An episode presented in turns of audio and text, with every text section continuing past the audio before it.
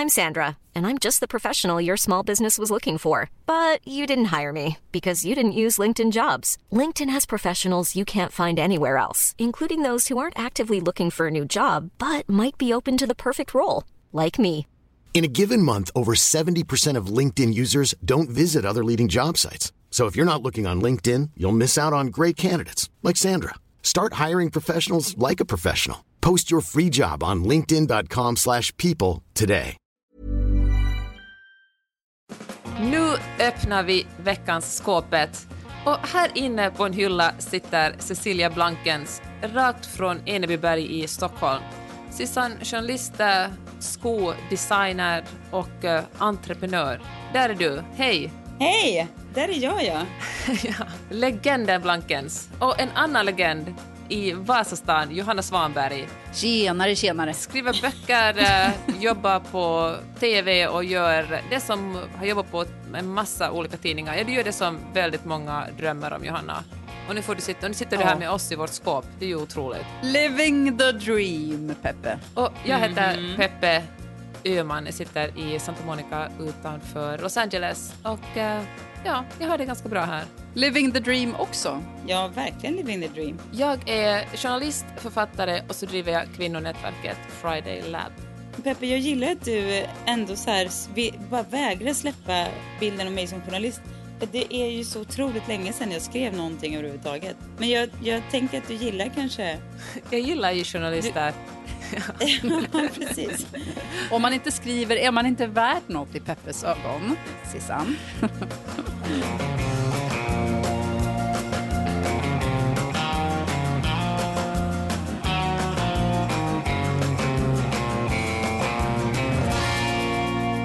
Idag förvandlades jag till min absolut konstigaste personlighet.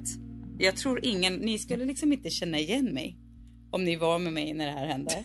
Får jag gissa? Ja, du får, du får gissa. Du har träffat en ung snygg kille. Exakt! men det är så sjukt. Vem blir jag alltså? Jag, vi har ju en vattenläcka i vår Blankens eh, kontor och lokal, showroom i Gamla stan.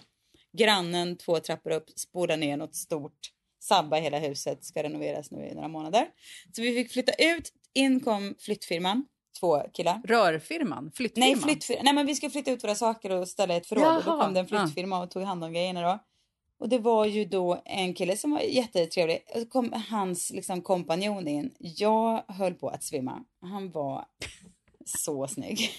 Men säg att jag vågar inte ens titta på dem. Det är det som är så konstigt. För min största mardröm är att de ska tro att jag är liksom en flörtig.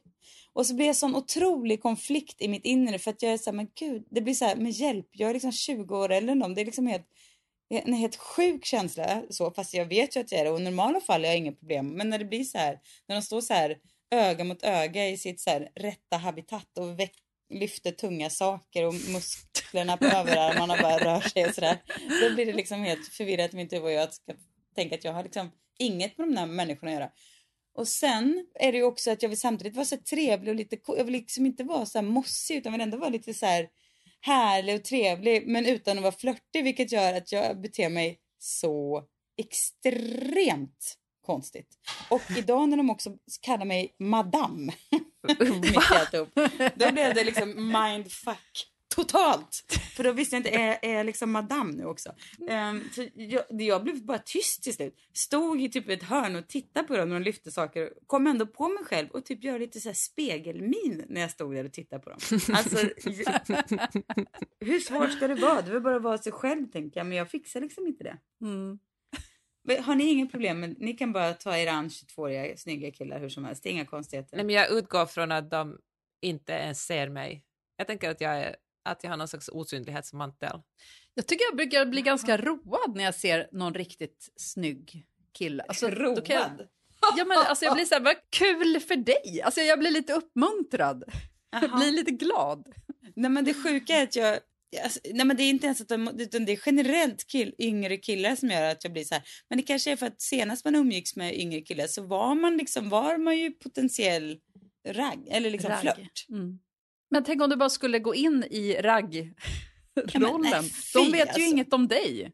Ja, men ragga, vad menar du att jag ska göra? Bara tjena. Nej, men jag vet inte, men det som du tycker känns skulle vara mest naturligt att göra. Ja, men det finns inget naturligt sätt att umgås med 22-åringar. Nej, men jag tänker om du Nej. förr i tiden när du var jämnårig, att du Mm. hade ett sätt att vara då. Om du skulle vara på det sättet bara. Åh, Nej, herregud. Har du något knark eller? Så höll jag ju på mycket. Och en cigg tack.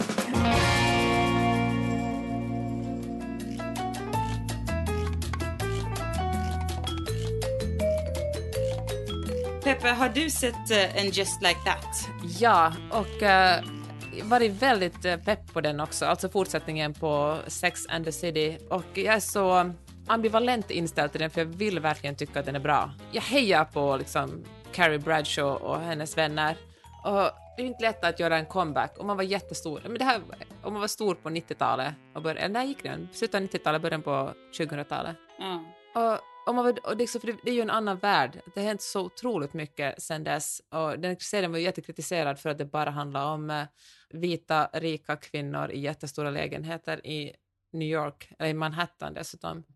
Och, eh, men ändå tycker jag det var ganska konstig kritik eftersom det är som att ska blanda ihop fiktion med verklighet. Det var ingen dokumentär, utan jag tycker att det är väl någonting som man Nej, skriver... Alltså det är man, väl superexotiskt. Vadå, kritik mot den nya serien? Nej, mot den gamla, alltså den som gick, tycker jag, man, de blev väldigt kritiserade Jaha. för att de var så, egentligen mycket mer kritiserade än till exempel Friends som också var vita, rika människor som bodde i jättestora lägenheter på Manhattan, eller Seinfeld för den delen. Vad var inte heteronormativt och vitt på Ja, men 90-talet exakt å det. andra sidan? Och då kan jag Mm. inte låta bli att bli så här konspiratorisk och tänka, handlar det om att det var, att det, huvudpersonen var fyra kvinnor som tänkte på sex? Och eh, det får man ju säga att eh, manusskribenterna har ju verkligen ansträngt sig för att eh, göra den lite mer woke. Alltså skriva in eh, folk som inte är vita, skriva in folk som inte är liksom cis eller hetero eller binära och liksom verkligen mata på. Sen blir det ju lite konstigt eftersom fortfarande är ju huvudpersonen vita och rika och, och alla andra som seglar omkring dem blir liksom en som är liksom ett krux, som en bekräftelse på vi vet att man ska vara mer woke nu än den här serien senast gick. Jo, fast vänta lite nu. Jag fattar, men jag menar samtidigt så här. Så, så, så är det ju. Det hade varit ännu konstigare om man hade ja, gjort det på något annat sätt. Och ja, det kan ju vara så att det var störigt så här efterhand att så många rika vita människor har fått så mycket plats genom åren. Men det håller ju på att ändras nu och det blir ju inte bättre av att... Ja, jag vet inte. Jag, jag menar, Nej, men jag det är väl håller, också en del av verkligheten som kan vara spännande att glutta in i. Jaha. Alltså, men grejen är att jag hade inga förväntningar på den här serien. Jag såg inte tror jag, de sista säsongerna av Sex and the City, men ville ändå se det här. Och jag blev glatt överraskad. Jag tycker det var superkul. Jag tycker att de hade låtit karaktärerna åldras på ett bra sätt. Jag tycker att utvecklingen, alltså man skrattade, man grät, man eh, tyckte fortfarande att hennes outfits var superkul. Och jag vill absolut måla om min bokhylla till helt mörkblå. Tänkte ni på det, vilken fin bokhylla de hade? ja, estetiskt är den ju en jättefin. Ja, sen tycker jag det, det håller med, jag tycker det är roligt att kvinnor som är 55 får ta upp så mycket plats i en tv-serie, för det är ju inte, det händer ju inte ofta. De tänker ju mycket på sin ålder och vem, om man har grått hår och liksom vem som har gjort botox och inte gjort det, men det kanske är en spegling av samhället, det tänker jag väl alla på. Det tänker jag åtminstone Ann Heberlein och, och liksom Åsa Linderborg och en massa andra kvinnor om i Sverige också. Och vi. Så det är väl en ganska liksom, naturlig del av historien. Mm. Sen, eh, nu kommer det en spoiler för er som inte har sett, så håll för öronen i några minuter. Okej, är ni beredda? Och ingen kan väl missa att eh, Mr Big dör i avsnitt två. Han får en hjärtattack. Avsnitt ett till och med. Ja, Var det ettan? Ja, okej, det handlar, ah, tvåan handlar om begravningen. Mm. Men jag tänker att serien kanske blir intressantare om Carrie får vara singel och eh, jag tänker att det kanske skrivs in jättemycket sex från och med nu. Nu får hon verkligen text, testa på hur det är att vara... Jag tror hon kommer att testa, min, jag förutspår att Carrie kommer att testa Tinder och vara med om en massa roliga och jättehemska Tinder-dejter. Fast hon kommer ju ha en så himla lång sorge, sorgeperiod, tror du inte? Nej men det är väl inte kul att titta på det. Nej, jag vet, men det vore inte kul om han levde heller och hon var så här lyckligt kär och bara oh, nu ska vi åka till Hamptons igen Nej, men i helgen. jag menar det. Så de måste ju döda honom. Alltså, det fanns inget val. Alltså, för att, Ja. Också för det, i narrativet funkar det ju inte att, att eh, Mr Big lämnar henne. Det, liksom, det, den överenskommelsen har man inte med publiken. Jag tänker att det enda alternativet var att uh, ha ihjäl honom. Men var det inte jättekonstigt också hur hon liksom inte så här ringde 911 utan bara så här, Verkligen. åh, Det ligger du och dör. Jag går fram till dig när du ligger här och dör. Jag tittar på dig jättelänge när du ligger och dör. Men Mm. jag gör inget.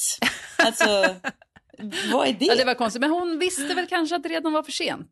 Han levde ju. Han Ja, men det är klart att man skulle blinkade. ringa det första man gör. Det, ja, ja, jag vet. Men att man tänker, nej det är nog för jag avgör det är för sent för dig, så jag väljer att inte ringa. Let me be the judge of this. Du ska dö. Ja, man får ju lust också att lära sig, liksom, uppdatera sina, sina lung och uh, hjärträddningskunskaper. Men jag kan också känna lite att så här, visst Carrie var väl så här, men man blev inte råsugen på liksom 55-årslivet ändå. Att. Miranda var ju så här imponerande liksom tantig ändå får man säga. Ja, men jag tycker att det var roligt hur de hade gjort henne, att hon, för att hon var ju alltid så himla korrekt innan och att nu så hade hon så svårt att hantera det här, alltså hur hon, Ja. eh, ja, med wokeness. Men jag gissar att de kommer utveckla henne till alkoholist, eller hur? Ja, det tror jag också. Ja, så är det ju. Absolut. Ja, det har man ju fattat. Det behöver man inte vara någon Ja, det har man fattat. tv-analytiker för att förstå. Ja, men hon drack ju hela tiden. Hon har Ja, ja. alkoholproblem. Eh, ja, och, och Carrie, men hon var väl, hon var ju, alltså där, där kan jag ändå mer känna, där kan jag, men det här, uh, att bo själva och ha någon slags, åka till Hamptons, och att hon, de stod och diskuterade någon lax, vilka, alltså det kändes otroligt tomt liv ändå alltså. Och också den här scenen när hon säger till honom, jag kommer inte ihåg vad det men det var någon sån här onaniscen som... Ja, att det- han skulle runka. Ja. Ja. Mm. Ja, det var så jobbigt. Alltså så fruktansvärt. Jag kan inte titta på det. Jag kunde, det var den största turn-offen på länge. Tur att du fick träffa unga flyttare idag. Ja, det blev det balans. Men får jag backa? Då satte det igång igen. Alltså, jag hoppas Ja. att det här Blodomloppet. inte är början på något trend där män tror att kvinnor vill se på medan de onanerar. Men det är inga killar som kollar på en Just Like That, så det är ingen som kommer få veta Nej. att det händer. Okej, alla ni som lyssnar, vi håller det här för oss själva. Nej, snart kommer de bara, vänta jag har en jättesexig idé. Men du sitter här helt tyst bara. Håll käften. Kolla på när jag gör så här. Det gillar du va?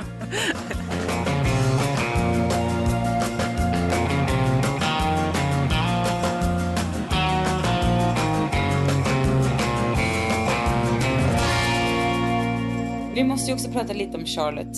Ja. För att nu, alltså det här med dubbelbestraffning för att man liksom tycker till om någon som kanske borde chillat lite med sina ingrepp. Det kan jag liksom inte hålla med om. En människa i den, en vit kvinna i sina bästa dagar blir liksom inte dubbelbestraffad för att man tycker att hon kanske ser för jävlig ut. Världen är väl så pass jävla woke nu att det inte är så att hon bara, nej hon blir tvingad till det här för att kunna göra en karriär. Hon hade inte behövt göra det där, hon hade ändå fått den där rollen. Ja, men hon, alltså, i den här rollen så tycker jag att det är helt rätt att hon ser ut så. För att om man är en överklasskvinna med den sortens pengar, då har man gjort de där grejerna och då kan man inte längre gråta för att man ser helt förvriden ut i facet. Nej men det, det, det, den frågan som blir kvar är ju hur, hur fan kan folk göra sig sådär fula? Alltså det finns ju uppenbarligen andra sätt att se liksom. Men så ful var hon väl inte? Det var, jag tycker Så det var mest när hon skulle jävligt. gråta eller du vet, ha ansiktsuttryck. Då blev det ju konstigt. Hela Men när hon bara var, var ju som en stor stel, Men vet ni vad? inte, Jag såg den här med min man Magnus och så frågade jag honom vad han tyckte om det. Jag, frågade, jag hade liksom ställt en öppen fråga och han tänkte inte ens på det. Så jag tänker att det blir väl, det är väl så, nor- alltså det är normen nu för tiden. Det är, I Santa Monica är det liksom standard. Kanske. Ja, men jag tänker det. Alltså, men vet du vad, jag, så det brukar jag tänka på också på Östermalm. Vi bor ju på somrarna i Östermalm när jag kommer. Och på det första, Mm. liksom, man kommer den första veckan, då tänker jag alltid på att, att gud vad folk är botox och det och har snyggt hår och välklädda. Sen vänjer man ju sig vid det, liksom, det normaliseras. Men jag antar att det, ja, så är det väl här också. Men det ser för fan inte klokt ut alltså. Jag kan fatta om man är så här. Jag gillar den här estetiken. Jag vill se ut så här. Alltså, fine, kör, kul.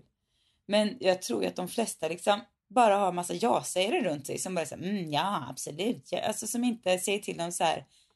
Lägg av, du ser för jävlig ut.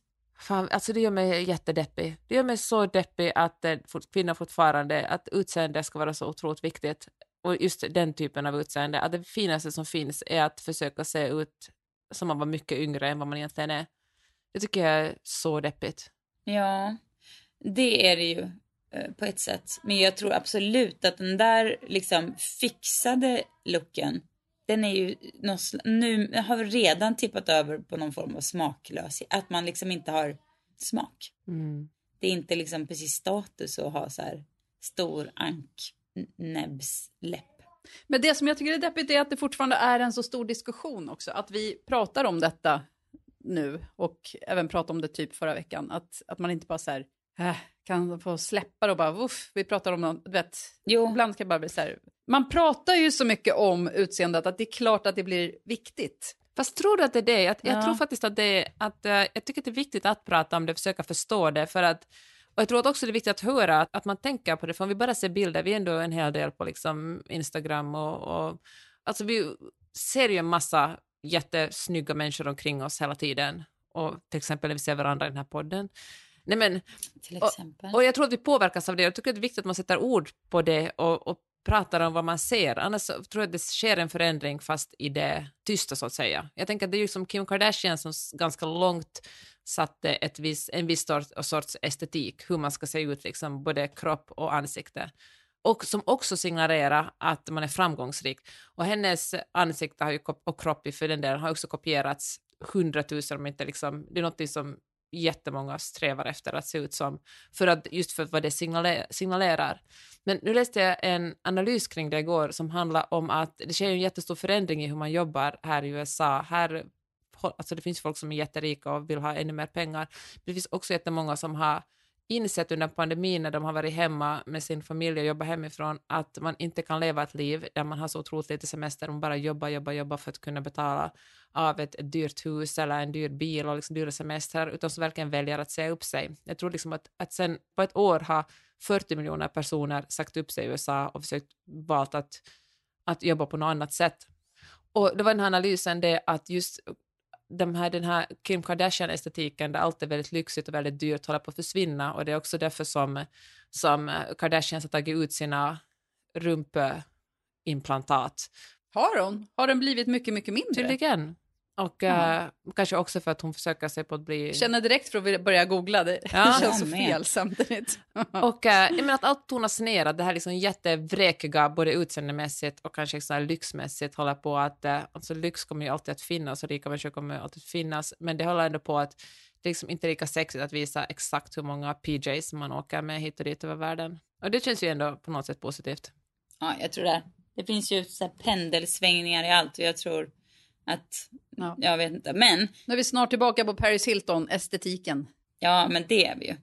Men med det sagt, alltså jag är ju inte motståndare på något sätt. Alltså jag är all for att man gör sina behandlingar man vill göra. Jag har väl själv inga planer på att liksom förändra mitt utseende, men däremot så, jag menar, whatever keeps me glowing, alltså Ja, gud, alltså jag tycker att det värsta faran är om man skulle börja stirra, alltså om jag skulle börja stirra på mig själv för mycket, att skapa Alltså jag vet att jag har en grogrund för olika fixa ja. idéer kring vad man skulle göra någonting åt. Men man bara orka. Och jag är glad så länge jag känner det där. Orka. Att man liksom ja. vill lägga tiden på något annat. Ja. Skulle man sen inte längre vara där, då är det klart. Alltså, då får man väl se vad man gör. Man kanske ska ha någon sån här spärr. Ungefär som man, man har så här mobiltidsspärr. Man kanske ska ha så spegelspärr. Mm. Att man, man har liksom fem minuter på en dag. Då ska du hinna sminka dig också. Jag tänker också så här, alltså, jag skrev förut väldigt mycket om så här, skönhetsprodukter och, och sånt där. Eh, och har ägnat mig rätt mycket åt det.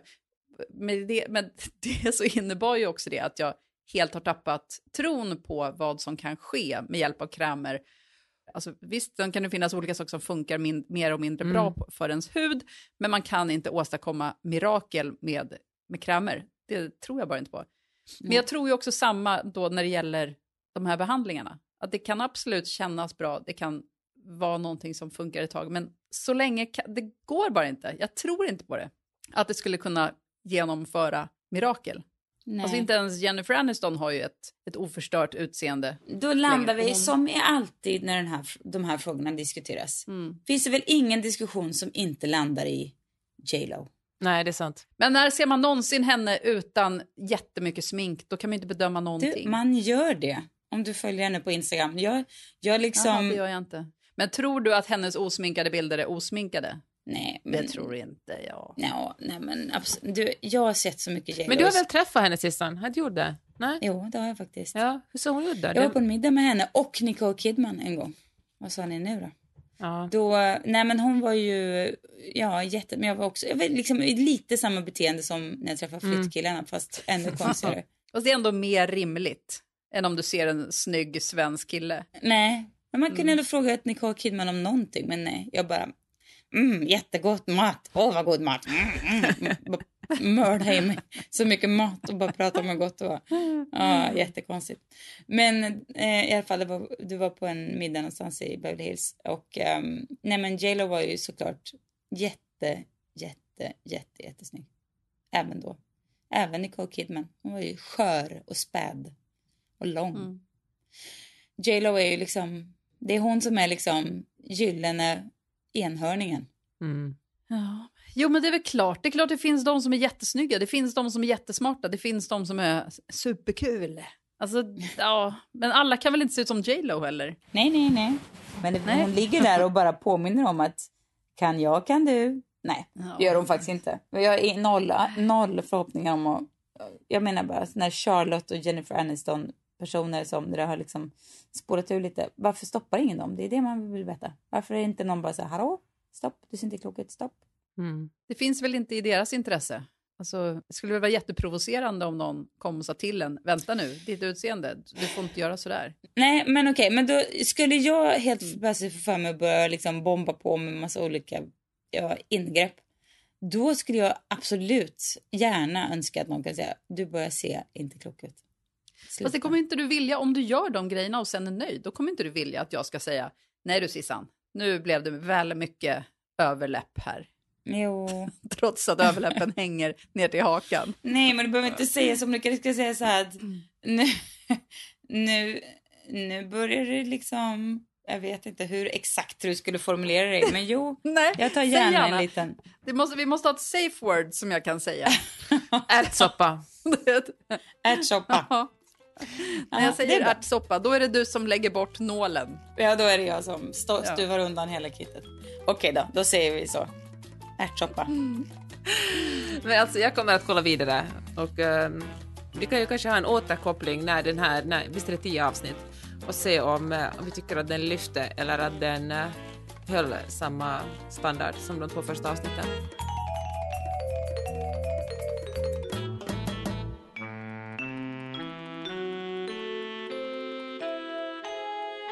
Den här veckan presenteras skåpet i samarbete med Boxy som är en bokapp för hela familjen. Och där kan man både läsa, lyssna och utmanas.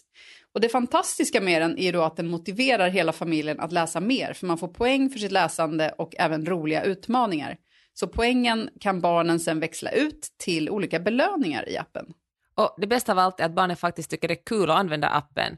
Och eh, själv blev jag på så otroligt gott humör när jag märkte att det fanns eh, Hans Erik- Hellbergs böcker om dunder och brak som jag själv älskade när jag var sådär mellan 10, 11, 12 år kanske. Ett kompispar som eh, löser mysterier. Mycket bra böcker. Jag kan tipsa om till exempel De enögda banditerna som jag ska få min 11-åring att läsa just nu. Det låter som någonting för min 11-åring också.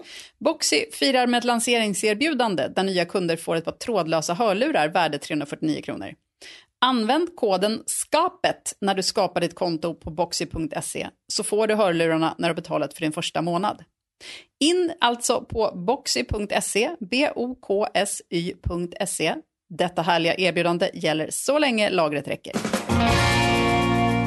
Hörrni, vi har fått lite fler eh, kommentarer på vårt favoritämne.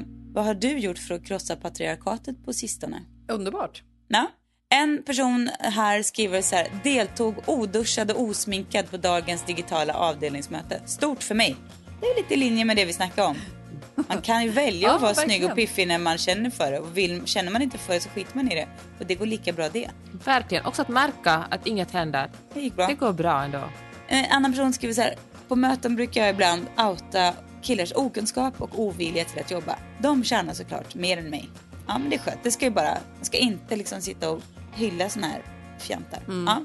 Övar på att låta min man misslyckas med saker. Till exempel packa gympapåsar fel. Att inte hjälpa män. Har du sett mina nycklar? Nej. Var står sockret? Ingen aning. Ja, det sysslar jag också med. Tyvärr är det jag som är mannen på det viset i vår familj. Så att jag uppskattar om vi inte börjar jobba på det viset här hemma. Ja, den där kör jag också. Den är, den är bra. Ja, det är bra. Så är det fler personer som har små, små krossar patriarkatet så berätta för oss. Tycker verkligen att det är liksom jobbigt nu inför jul med just sånt så här. För att det finns så mycket som ska göras och som ska hinnas med och som behöver ordnas. Och det är så lätt att man tar på sig det automatiskt. Ja. Eller bara för att man vet att det kommer behöva göras. Och så istället för att behöva tjata om det så bara gör man det. Jag tycker att det är svinsvårt. Jag känner att jag börjar liksom odla en riktig vrede inom mig. Ah, var det därför du var på dåligt humör idag kanske? Ja, nej det var inte ens det. det var bara, jag tror det började med att jag var sur på mina barn för att de hade städats dåligt.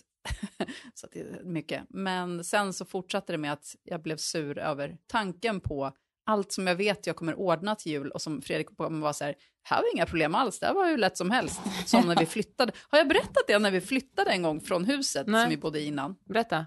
Nej, då var han ute och reste, gjorde så här, alltså rese med jobbet. Och jag jobbade liksom hemifrån så att det var väl inga konstigheter på det sättet. Men då vi köpte väl lägenheten typ ett halvår innan vi skulle flytta och sen så sålde vi huset och du vet, man har ganska lång tid på sig men han har ju liksom sina reseperioder under hela den här tiden. Och jag håller på att rensa i källaren, jag åker till du vet, återvinningscentralen, man slänger saker, man börjar packa ner saker från vinden, man ja, rensar och fixar och donar. Och sen då när vi väl har flyttat och så kommer vår kompis Sigge och han bara, ja men gick det bra? Alltså var det inte mycket att flytta från, från en villa till lägenhet? Fredrik bara, nej alltså det var, var inga problem alls. och jag bara, eh, nej men du var borta, jag gjorde det. Han bara, nej, nej alltså jag var med. För att han var med under själva flytten, typ. Ja. Ja, ja det var sjukt. Jag jobbar med den här taktiken. Jag kör russinen ur kakan taktiken. Det betyder att jag skyndar mig att göra det som jag tycker ändå är ganska kul. Typ köpa julklappar till alla, planera lite mat och sånt där. Sen helt plötsligt då har jag ingen energi kvar. Då släpper jag allt och bara gör färdigt. Ja, men vad är det som är kvar då om du har köpt julklapparna och planerat maten? Slå in julklappsjävlarna. Alltså åka och handla maten. Alltså då får jag göra det roliga. Sitta och plocka ut julklapparna och liksom bestämma vad vi ska äta. Ja, du vet, tänka, att göra sådana saker som jag bara tycker är kul. Jag tycker bara att, att slå in grejer är ju så himla lite jobb i jämförelse med att planera julklappar och det att komma på saker som folk ska gilla och som känns rimliga att ge bort och som hinner komma fram i tid och allt. det är Alltså- så mycket tankearbete i det. Det som stör mig som inte direkt har med julen att göra, men presenter och slå in på det stora hela. Vi var på ett födelsedagskalas, ett barn fyllde år, och då hade jag ordnat present och uh, slagit in det och, eh, och så, så brukar jag säga så här som en självklarhet, men hör du, vad tänkte du vi ska ha för kort? Jag vet ju att han inte har skaffat ett kort, men då tänker jag åtminstone uppmärksamma det att han inte har gjort någonting. Och då säger Magnus så här, han bara, nej men det behövs väl inga kort? Och jag bara, men varför- det är klart det behövs ett kort också. För att det här barnet kommer att få en massa presenter och så står de alla på bordet och, och så vill man ju veta vem man har fått vad av. Och eh, det ledde till ett, eh, ja, men ganska dålig stämning. För att han sa, han bara, men det är inte viktigt för mig. Och jag upplever att ganska många män, också de som tror sig själva vara ganska jämställda, eller det de säger egentligen är att det är viktigare för mig att inte göra det, för jag tycker det är lite jobbigt. Mm. Och det jag tänker det gäller det mesta i samhället. Män som inte tycker att det är viktigt att, att förskolefröknar ska få en julklapp eller att samla ihop. Det är helt enkelt viktigare för dem att pyssla med någonting annat. Eller män som tycker att eh, man kan gå, ni vet de här, det finns en typs män som stoltserar varje år med att de köper alla julklappar på julafton. Och, för de tycker Mm. att det liksom är coolt. Det stör mig någonting fruktansvärt, för det är ju verkligen ett sätt att bara säga fuck you, jag bryr mig liksom inte om att det blir väl genomtänkta julklappar eller att någon blir glad. Jag bryr mig bara om att uh, jag bara gör det här för att jag verkligen måste göra det, kniven mot strupen. Inte för att jag ska göra det bra för någon annan. Plus att man då lämnar allt julaftonsjobb till någon annan. Precis. Men, för att då tar man, man de timmarna ja. egen tid på stan. Alltså den typen av man som jag förstår tror att han bygger någon slags cool image kring sig själv som inte bryr, men det är bara egoistiskt och jävligt beteende. Ja, fast jag känner mig också lite träffad i det där för att jag, jag är inte så mycket för lullullet om man säger så. Alltså man har sina grejer som man bryr sig om, så gäller det väl för alla. Och bryr man sig om allt, då har man förmodligen ett kontrollbehov som man behöver tagga ner på. Men det är väl så här att, för jag kan inte känna att jag bryr mig svinmycket om något, men man vet ju att barn kommer bry sig om det, så man måste ju göra det för att... Men bryr de sig om lullullet? Ja, men det gör de ju. De har ju också så bilder av vet, hur jul ska vara. Men nu snackar vi till exempel kort på ett paket. De bryr sig väl inte om man har skrivit så här grattis Klara Nej. direkt mm. på paketet eller på ett kort? Nej, det skiter de blankt i. Men Nej, jag tänkte det där, det är klart de gör. Men den där mm. presenten mm. som man, om man bara någonting, det finns inte det som de har önskat sig kvar i affären för att man är så sent ute.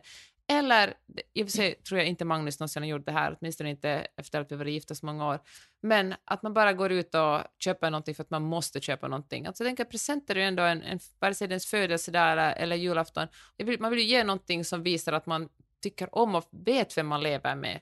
Inte bara någonting som man köper för att man måste för att det råkar vara jul. Mm. Jag lyssnade på podden Dumma människor idag. Då gav Lina Thomsgård ett tips på om man inte vet vad man ska köpa. Hon sa att man köper det bästa inom någon liten genre. Mm. Att till mhm. exempel, jag tror hon hade en pennvässare som exempel. Att då köper man den bästa pennvässaren. Man väljer något litet fast man gör det till... Nej, jag fattar. Ni vad jag menar? Det är jättefint mm. tips, för det visar ju att det måste inte vara någonting jättedyrt, utan det kan bara vara den bästa lakritsen i affären. Alltså det var en otroligt ja. fin idé, den bästa pennan, Superbra tips. Ja, det är ju kanske särskilt om man köper till folk som man inte känner svinbra eller sådär. Nej, och sen måste, alltså vissa människor tycker, behöver man, kanske man kommer överens om att julklappar inte är en viktig grej, utan det viktigare är att man gör någonting annat. Hashtag inte alla julklappar. Mm, men det jobbigaste då är sådana som jag som absolut vill ha jättefina julklappar och absolut inte vilka julklappar som helst, utan bara sånt som jag själv vill ha. men, men jag vill inte heller riktigt berätta vad det är jag vill ha, för jag vet inte riktigt. Oh, herregud, jag blir så svettig om händerna bara du pratar mm. Johanna. Man kan säga, är inte det liksom så alla så här fördomar och ganska korrekta antaganden om hur kvinnor är generellt liksom mm. nerkokat?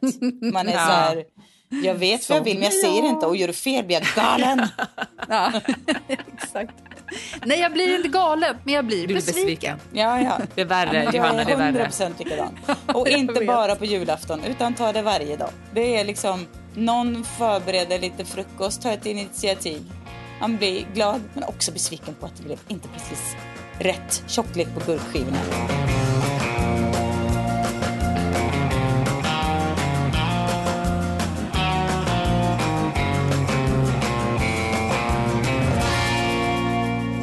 Men hörni, att städa inför julen, kan vi tala lite om det? För att jag dammsuger inte. Du dammsuger inte? Nej. Mm. Men vet du, det, det har vi några kompisar också som är så här, som bara sa lite helt apropå att de dammsuger typ var åttonde vecka. Men hur går det till? Det måste bli så dammigt. Eller har de inte två hundar som alla vi andra? Nej, men Normen. jag vet inte om, jag har liksom inte varit hemma hos dem, men man blir ju otroligt nyfiken på att se hur det ser ut ja. och är hemma hos dem. Men Pep, du, ni dammsuger inte eller du dammsuger inte? Jag dammsuger inte, så har det alltid varit. Jag tycker det är så... Alltså jag gör mycket för den här familjen, men att bara plocka ut den lilla dammsugaren och liksom stöka omkring med den och det värsta av allt, lägga tillbaka den. Alltså det, det, ja, jag håller med. Det, jag gör inte heller det. Nej. Fy fan alltså. Nej, men stångas med en så här stor, som en så här dö kalv, typ, känns det som. som man ska så, baxa in i ett skåp. Och den bara uh, helt tung och långa lemmar åt alla håll. Så känns det. Jag hatar att ställa in dammsugaren. Extremt mycket. Men jag har ju nu en Dyson. Eller nu, det har jag haft länge. Jag hade när vi bodde i USA. Hade inte en ett tag. Nu har jag en Dyson igen. Det är ju alltså lösningen på väldigt mycket. Särskilt för att jag hatar att ställa in dammsugaren men jag har också hört någon säga att om man bara dammsuger sju minuter per dag liksom kör en snabb avsugning så att säga. Sju minuter per dag. Sju minuter tycker jag låter mycket. Ja, men sju minuter och dammsuga av lite. Är det ett rum eller är det två rum? Nej, jag tänker att man tar det, det som värst. Jag, vi har till exempel en matta Ja. som är lite så luddig, så runt den och i köket typ och så kanske i hallen. Mm. Och Dyson är sån här som man kan plocka, den hänger på väggen liksom, så plockar man fram den. Och så har den ingen påse och sånt där. Det är ljuvligt och Jaha, man den får- har ingen sladd heller. Nej, ingen sladd. Så man får direkt bekräftelse Mm. på att man är jätteduktig, för man har städat. Och Ah. man slipper det helvetet. Så jag älskar att dammsuga. Det är min bästa gren. Det får bli min inkörsport till eh, städning. Ja. Är det det jag ska önska mig i julklapp? Gud så... Nej, jag vill absolut inte Nej, ha en dammsugare i julklapp. Men jo, men med städning överlag så jag, är ni pedantiska av er? Nej. Absolut inte. Nej, inte jag heller. Alltså jag blir så här misstänksam när folk är pedantiska. Jag, känner, jag får liksom lite så här school shooter vibe eller lite jag vet inte American Psycho vibe på folk som är så här att saker ska ligga vinkelrätt och vara så här snälla någon skaffa ett det håller inte på att städa. Vad är grejen med det? Det är något annat, något annat problem man har. Om städning är liksom topp. Absolut, alla, men alla som är lite obsessiv kring någonting, det är ju konstigt. Ja. Så är det ju. Men okej, hur är det här, är det här okej eller inte att fuskstäda? Alltså, ni vet man typ, åh vad stökigt det var i köket. Jag samlar ihop allt i en hög och lägger det någonstans som inte syns. Absolut okej. Roligt, det där, tänk, det där tänkte jag också fråga. Ass, Nej, jag tycker inte att det är okej. jag hatar det. Jag tycker det är okej. Mm. Nej, det blir bara, jag pratar med mina barn, de är då dåliga städare senast idag, om att de börjar bli utvecklas i så hoarders för att de rensar aldrig någonstans utan de bara liksom samlar på hög och sen så byggs det på och så kommer det snart inte finnas plats kvar i deras rum för alla deras skit och så kommer de fortsätta bygga någon annanstans. Usch. Ja, det är självbedrägeri det där. För det där brukar, jag gillar, alltså, ligger det liksom en hårsnodd, en legobit och då ska det tillbaks till rätt ställe. Men när lägger en Ja. hög någon annanstans, då har man ju bara flyttat på problemet. Så får man gå och leta Precis. efter den här hårsnodden. Nej, nej, Alltså man älskar när man kommer hem och får känslan av att det är nystädat när Per har gjort så här, för det gör han ofta. Och sen ser man lådan som står i tvättstugan med allt möjligt krimskrams. Och då blir man istället rasande, dubbelt rasande. Fullkomligt rasande alltså. Så tar man lådan och häller ut allting över Per. Ja, det gör man. Stoppa in det i munnen på honom. Okej, okej, så här. Eller hur gör ni så här? Ni går in på, i badrummet, ser att någon har lämnat bajsränder i toaletten. Ja. Ställer ni upp det eller? eh, I hemma eller liksom på offentlig Hemma. toalett? Hemma, Nej, hemma. hemma. Gud. Alltså jag har Nej, då- torkat bort på offentlig toalett också. Är det sant? Det har hänt. Det Jag har hedrar dig. backat ut ur offentliga toaletter och gått in på en annan. Ja, En gång gick jag in på en, eh, jag pluggade då ännu, så ville mina studiekamrater äta lunch på IHOP som är en sån här kedja här i eh, USA och gick in på toaletten och så var det någon som hade lämnat en liten bajskorv. Och det var så, det var någonting med hela, det var, nu låter det som jag ska överkänsla, men det var en så hemsk upplevelse så jag, kom, jag har aldrig ätit på IHOP efter det. Jag får så här panik, liksom, det var, det var obehagligt. en det är liten bajskorv är väl inte så farligt? Nej men det här var, det, det var, det, ja det här var Man farligt. kan i och för sig tänka sig att det är så här mycket dåliga glutenmagar som går på toan Aj, aj, på aj. Ja. IHOP.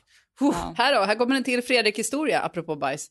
Men han, när barnen var mycket mindre så var de någon gång på typ Naturhistoriska museet. Något sånt där. Och de var, ja men du vet, inte så gamla att de kan stå och vänta utanför toan själva för då kommer de springa åt olika håll. Så han var tvungen att ta med dem in på toa. Eh, och han skulle skita. och sen ropar till slut Pella till Joni. Andas med munnen Joni!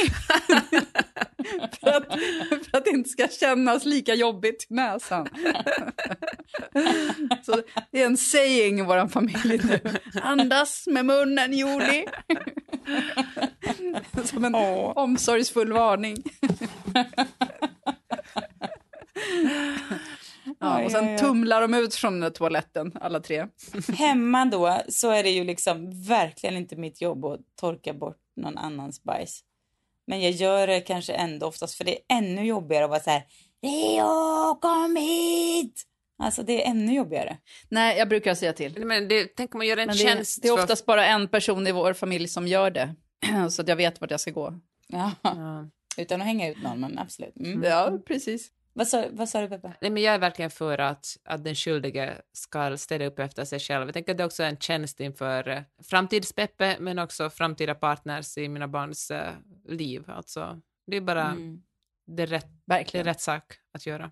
Alltså jag, jag är verkligen inte speciellt äckelmagad. Jag var på Globen, eller Avicii Arena på Idolfinalen i fredags. Och då gick, var, av, var det något knas med avloppet på en av toaletterna där. Så det var ingen där, men jag var så här, "Ja, men jag vill bara inte andas med näsan. Så jag klev in. Då kom det in en annan tjej efter mig och hon var så här. och jag bara, vad fan, lugna dig. Ah, Du bara, andas med näs." munnen Joni! Andas med munnen, Britt-Marie. Satt jag inne på toan. Ja. Jag bryr mig inte så mycket. Okej, den här då. Du är på toan, tar sista pappret, orkar helt enkelt inte liksom hela processen och liksom ta bort gamla rullen på med ny rulle och så här bla bla bla. Är det okej att bara st- strunta i det? Absolut inte. Alltså det är Nähä. samma beteende som att man äter någonting, så tar man sin tallrik och så lägger man det på disken vid diskmaskinen istället för att böja sig ner och sätta det in i diskmaskinen. Bara, jag bara lämnar det här för någon annan att plocka undan. Det är exakt samma personer som lämnar kvar en tom toapappersrulle. Det är absolut inte okej. Nej. Håller helt med. Eh, Jag tycker att det är bara något man gör. Det är trist, men man bara gör det för att det går fort. Ja, det, är, det är fruktansvärt. Men, men. Vad har ni för tips den här veckan, hörni? För jag har ett bra tips. Kör, jag har, jag har ett, ett recept ni kommer älska mig för att jag tipsar er om. Mm. Oj, så husligt. Mm. Den husliga podden. Nej, men jag har ett tips om en ny svensk dramaserie som jag har förhandssett. Oj Den då. heter En kunglig affär och har alltså premiär på torsdag. Nu är det måndag när det här avsnittet sänds. På torsdag, den 23 december. En kunglig affär heter den. Berättelsen om Kurt Haijby. Ja, men du vet, Gustav den femte och Ja. hans eh, älskare, får man väl säga. Mhm. Kurt Haijby. Och Kurt spelas av Sverrir Gunnarsson som alltså gör sin första roll som ful. Det är intressant, bara det. Men då vill jag bara en liten parentes om Sverige Gunnarsson. För jag, han, han ser, tycker ju folk att åh snygg. Mm, mm. Jag hade absolut inte fattat det tills jag träff- träffade honom live. Genom dig såklart Johanna. Då var han Ja. jättesnygg. Jättesnygg i verkligheten. Alltså Mm. otroligt snygg. Men det, inte i den här serien, så du skulle till och med, om du skulle träffa honom i den här serien så skulle du ändå våga prata med honom för att han är inte är så snygg där. Nej vad bra. Då blir det som antidote. Vad har du för recept? Ja, jag ska tipsa er om ett recept som Teresa gjorde, min vän Teresa, när vi var ute och bodde i vindskydd här för ett tag sedan. Men, den, då, men så det var då jag åt det första gången. Det är från Seina förstås. Men det är, ju, det är en indisk rätt som heter dal makhani, alltså dal, D-A-L, M-A-K-H-A-N-I. Så sök på det och Seinas kitchen så hittar ni receptet. Men det är alltså svarta linser med så här lite ingefära och Mm. såna här liksom indiska kryddblandningar. Peppe, det är kanske något för dig att Låter skoja till er. Ja. Det är massa godsaker i, men väldigt enkelt. Och så får det puttra på någon halvtimme. Och sen häller man i grädde så den blir så gräddig. Och sen lägger man i smör när man äter det. Så det blir liksom lite saltsmör som smälter ovanpå. Så kanske man har på lite koriander eller någonting. Det är så gott. Och det tar ju väldigt enkelt att laga. Man har typ alltid alla ingredienser hemma. Och barnen älskar det. Men hör du, Grymt. lägg upp det i vår Facebookgrupp. Ja, Uh, jag vill komma med en, en tips på en podd som heter eh, The Case Against Loving Your Job, The Ezra Klein Show. Kom ut i november, men det är en podd som jag har tänkt på, det här avsnittet har jag tänkt på sen det kom, som handlar om att det här att man ska älska sitt jobb egentligen är lurendrejeri. Det gynnar liksom ingen annan utom ens eh, arbetsgivare. Sen är det såklart en annan sak om man är sin egen arbetsgivare. Men äh, jag tycker det är jätteintressant hur synen på jobb förändras och äh, hur man ska göra. säg igen. Vad, säg podden. Du kanske ska lägga länka till Jag lägger, podden jag lägger upp den i Facebookgruppen, båda de här poddarna jag talar om, men det man ska börja med att lyssna på är The Ezra Klein Show, The Case Against Loving Your Job. Superbra avsnitt. Kul. Bra tips. Hörni, ska vi stänga skåpet? Vi stänger skåpet och vi hörs igen om en vecka när vi har genomlidit, höll jag på att säga. Nej, det ska bli så mysigt med jul. Ja, när vi har överlevt julen. Ja, vi har då hörs vi igen. Vi har eh, genommyst julen. Jag längtar. Tack för att ni har lyssnat. Hej då! Hej då!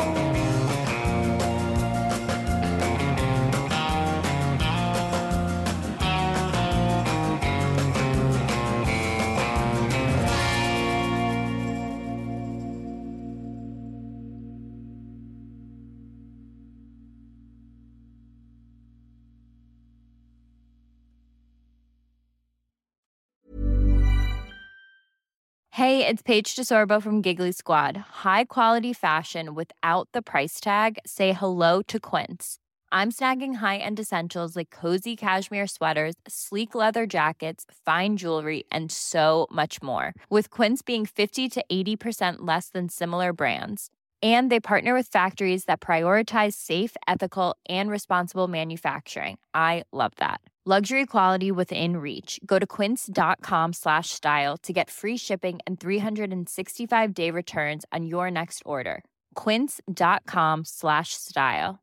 Imagine the softest sheets you've ever felt. Now imagine them getting even softer over time. That's what you'll feel with Bowl and Branch's organic cotton sheets. In a recent customer survey, 96% replied that Bowl and Branch sheets get softer with every wash. Start getting your best night's sleep in these sheets that get softer and softer for years to come. Try their sheets with a 30-night guarantee. Plus, get 15% off your first order at bowlandbranch.com. Code BUTTERY. Exclusions apply. See site for details.